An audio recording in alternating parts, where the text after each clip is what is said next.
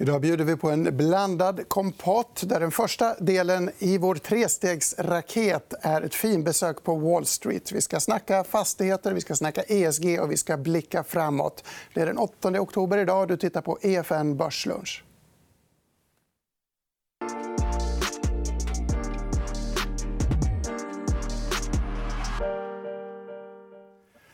Ja, vi ska prata med Philip Wendt alldeles strax. Men vi börjar vårt samtal med Rolfin Kuipers. Very warm welcome. You're, you're um, interested in ESG issues, and our viewers, many of them, look at this show because they want to make money on, on the markets. Should they be interested? Should they pay attention to ESG? Uh, thank you for the question and thank you for inviting me here today. Um, ESG, first of all, I'm absolutely passionate about uh, ESG. And the reason is that environmental, social, and corporate governance factors really make a difference when it comes to company financial performance and ultimately um, to investor performance as well. We did uh, at DWS, I'm the head of responsible investments for DWS. At DWS, we did a meta study back in 2015 working together with the University of Hamburg. And this meta study looked at over 2,000 academic studies all the way back to the early 1970s. And it very clearly showed that companies that take environmental, social, and corporate governance factors into consideration ultimately have better financial performance and ultimately generate alpha for investors. So ESG is critical for investors wanting to generate financial returns. Very interesting. I want to focus on the E in the ESG, environmental issues. Obviously, Greta Thunberg made a lot of headlines visiting New York recently. You were there yourself. Yeah, there. What's your takeaway? Um, first of all, I'm a big fan of Greta, I have to say. She has really brought this issue not only to the public, but also very clearly at the UN summit, spoke to heads of state and made, made, the, made the issue in very passionate terms um, vital to what the world is really all about. And climate change um, for investors is really key too. Um, as allocators of capital, we can either do that in a responsible, sustainable way or in an irresponsible, unsustainable mm-hmm. way. So we want to contribute to making the world a better place from a climate point of view. And climate change is complex. It's complex for investors to really um, think through uh, what it really means. And the way we look at climate change, and we have been looking at climate change as investors, as an asset manager since 2005. Back in 2005, people said, you know, why would an asset manager like DWS care about climate change?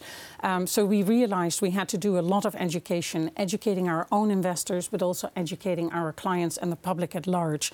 Fast forward to 2019, now there is a huge amount of um, attention being paid to climate change. And the way we look at it from an investment point of view is, first of all, transition risk. As we transition from a high carbon to a low carbon mm-hmm. economy, what does that really mean from an investment point of view? And it is clear that every economy in the world, every country in the world, and every sector of the economy globally will be impacted by this transition risk. You can measure it. There's more and more data available to measure it. And it's important for investors to understand what that transition risk is. To make, it, make a simple example, think about the automotive sector the automotive sector was built on the combustion engine. Now we are sh shifting to an electric vehicle market. Why have companies like Tesla traded at premiums to traditional car companies?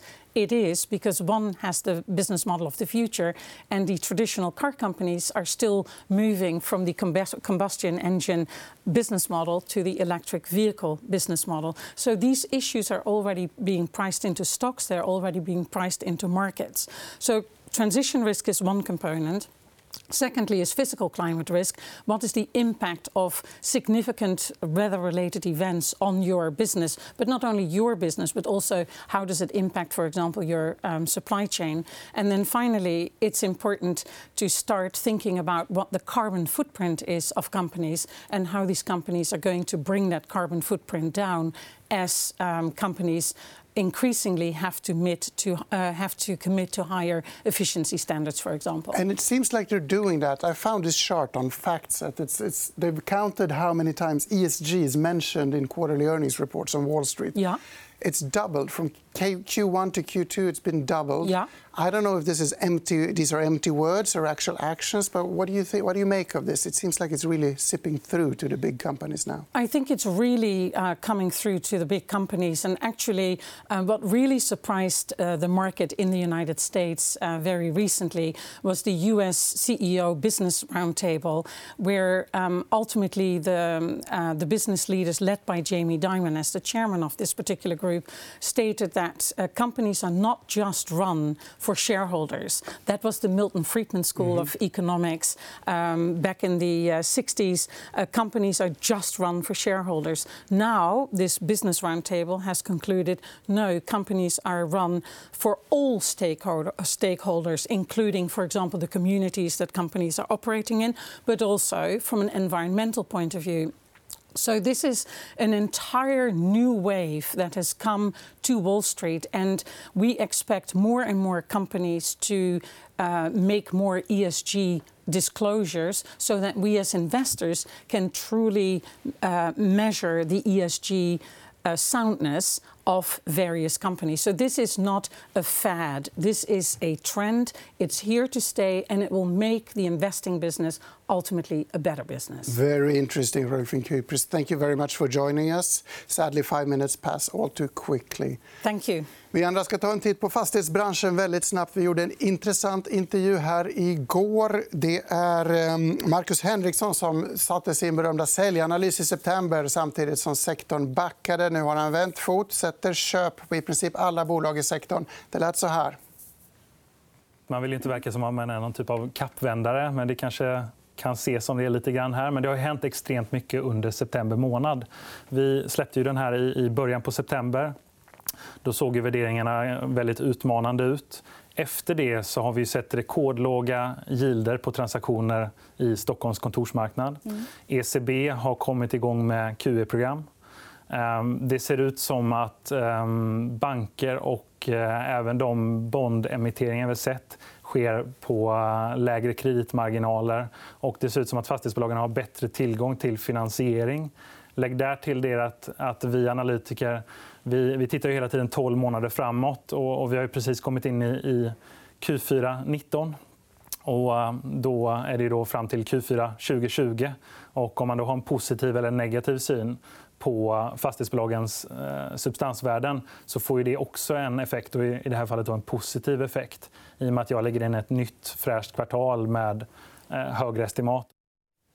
Mm. Hela det klippet finns som sagt på efn.se. Men här har det blivit dags för vår, vårt huvudnummer. Filip Wendt, varmt välkommen. Tack. Du var här i påskas. och Då pratade vi om gröna skott ja. på börsen och i ekonomin. Jag tänkte vi ska börja med en liten uppföljning. Vad, vad hände sen? Ja, då kom vi från ett läge, om man tittar på den gröna linjen här, hur cykliska aktier, framförallt i USA, då, gick mot defensiva aktier. Vi har alltså haft en botten på börsen i, i, vid årsskiftet och de cykliska aktierna har faktiskt bottnat lite tidigare än så. Eh, och när jag var här lyckades jag pricka in toppen då på hur bra det var. Mm. Eh, typiskt. Men i alla fall, här i maj kom ju sen tariffmannen Trump ja. med, med, sina pålägg. Då. Man hade visserligen börjat med retoriken eh, till och med fjärde kvartalet 17 med tariffer på eh, solpaneler om du kommer ihåg, och, mm. och tvättmaskiner. Och sen introducerade man dem i januari 18. Men det var ju, man trappade upp retoriken. Och det som var så olyckligt var ju det vad man gjorde här i maj. Då, eh, och här ser vi också hur avkastningskurvan bekräftade den här vändningen upp Eh, med, med 2-10-kurvan, då, där 10-åringen står högre än 2-åringen. Då. Så det var ganska väl bekräftat här. Och det, det såg bra ut. Vi var på väg in i någon form av eh, inventory rebuild och så vidare. Va? Och sen så hade vi då den här resan som har varit då ner till augusti. Eh, där i aktiemarknaden då värderade ner då de cykliska mm. aktierna i förhållande till de defensiva. Men jag tycker det är väldigt spännande vad som har hänt här sen dess. Då. Det är att vi har en massiv short covering i eh, början på september som kanske ett första steg till vad vi såg här borta. Då.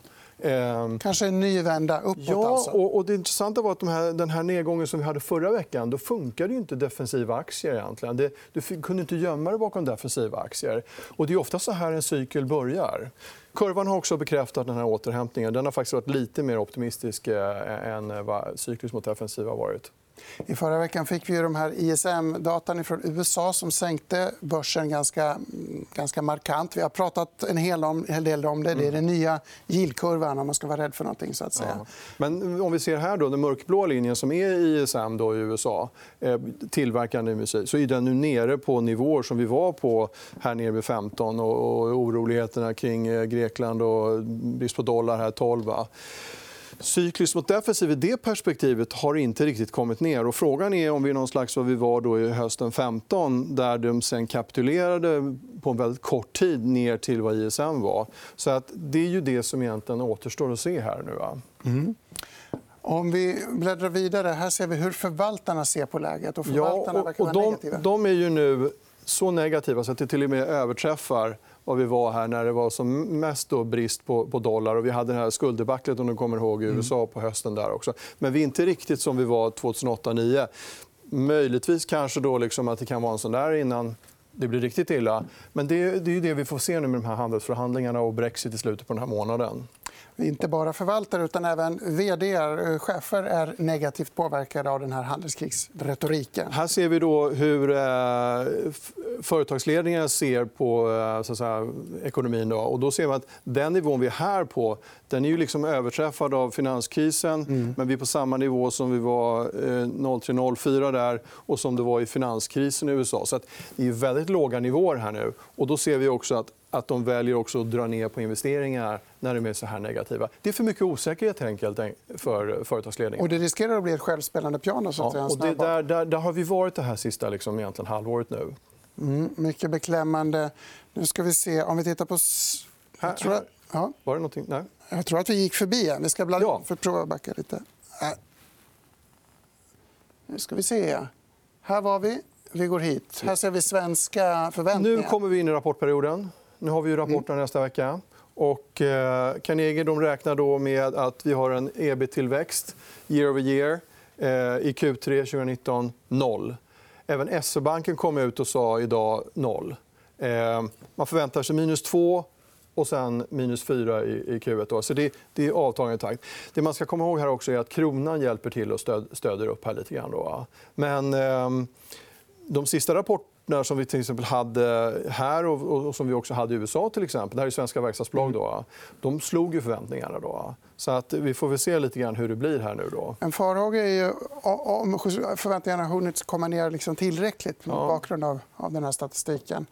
Här hade vi svensk... Ja, här ser vi tyska räntan. Det här är ju det som är egentligen riktigt oroväckande.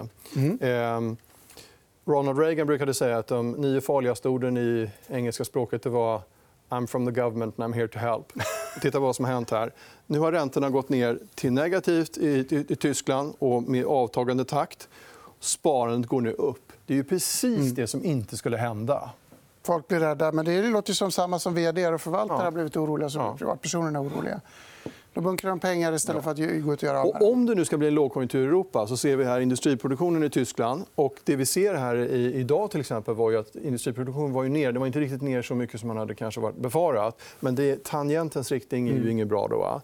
Men det här är viktigt nu och det är sysselsättningen. Vad Gavkal visade på här tidigare i veckan det är ju att sysselsättning kan nu vara på väg att vika över. Och då, då blir det riktigt illa med, med konjunkturutvecklingen. Och den här räddande jobbsta... Vi fick ju jobbstatistik i fredags. Den var inte så dålig, men det är bara ett försteg. USA. Ja.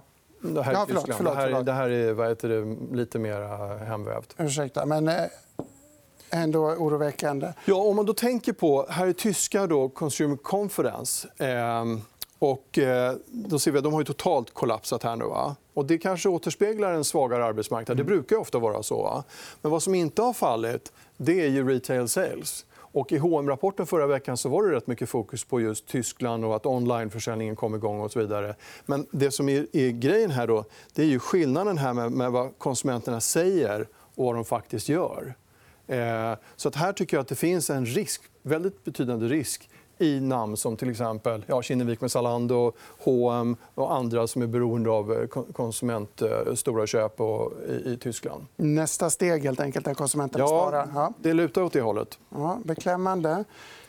Det som har hänt under sommaren och, och sen egentligen maj då, med, med de här tariffpåslagen då, det är att vad vi ser då, det är att utvecklingen för aktier som har hög korrelation till obligationsräntorna mm. Har ju gått upp väldigt kraftigt. Och aktier som har låg korrelation då till eh, obligationsränta har ju gått ner. Och det här gapet som vi har här alltså det här går tillbaka till 1999. Du hittar inte ett sånt här stort krokodilgap. Kan det här vara tecknet alltså på att Ja, vi, har extremt, ja, vi har haft extremt stor skillnad i, i värdering och i kursutveckling nu på defensiva aktier mot cykliska aktier. Mm. Den bågen är enormt spänd. Jag har lite svårt att se att den ska bli så himla mycket sämre. Mm. Intressant. Så folk letar efter bond proxies. Man får ju, men det här måste ju bero lika mycket på oro måste det bero på att du inte får avkastning någon annanstans. Det måste ju vara ja, vi har haft en ny typ av köpare i aktiemarknaden det sista halvåret. Och det har ju varit att man har kommit in i marknaden eh, med att man vill ha någonting som ser ut som en obligation mm. i aktiemarknaden. Egentligen under det att räntorna är på väg ner. Aktiemarknaden är på väg att bli den nya obligationsmarknaden. Ja, och grejen är så här, hur säkra är de här aktierna? Alltså, det är ju fortfarande så att eh, om du tar till exempel fastighetsaktier. Mm. Det finns en cyklisk risk i fastighetsaktier. Det verkar som att man inte har kommit ihåg det. Om man då jämför med till exempel andra affärsmodeller som inte har... Ja, men du har men ta till exempel skogen. Det är en fastighet. okay, det är cykliskt och kanske lite mer cykliskt. Men jag tycker att det där finns det otroligt mycket mer value att plocka upp. Mm. Vi ska se, nästa har vi... Det här är ju kanske då förhoppningen. Då. Mm. Och vad vi ser här då, det är ju att eh, den amerikanska eh, inköpschefsindex, ISM, har ju kommit ut att det blir mycket bättre då än resten av världen. Så resten av världen har laggat USA eh, ner här. Då. Och så har vi skjutit ut den 18 månader. Eh, men, men kolla vad som händer, har hänt nu. Och det är alltså världen mot USA. Och så följer då global ledande indikator. Så den, ser ut då, den globala ledande indikatorn ser ut att kunna bottna någon gång i mitten på 2020. Och vad det här också säger oss är att det är när USA går sämre mm. som Federal Reserve släpper på trycket på dollar och släpper ut dollar i världen. Om vi tittar bara på de sista typ två veckorna sen den här repokrisen i USA så har ju amerikanska eh, centralbanken börjat öka sin storlek på sin balansomslutning igen. Så det är ju det som skulle kunna vara riktigt positivt. Om vi då tänker tillbaka på föregående bild på det här krokodilgapet mm. så är det ju så att vi har nu ett, eh, egentligen ett halvår här som man ska tänka på hur man ska positionera sig. Jag tror att man under Q4 nu ska fundera allvarligt på att sälja sina defensiva bond proxies. Det kanske är för tidigt, men man ska i alla fall börja bestämma sig för vad man ska vara inom eh, den cykliska delen. Då. Och, eh, till exempel DNB som vi träffade igår och, och SEB idag har pratat om det också. Och det är att de här short cycle verkstadsbolagen som till exempel SKF eller Sandvik ger ju mycket bättre potentiell ersättning än vad till exempel Atlas som är en kollektiv lite grann av en bond proxy-aktie. Då.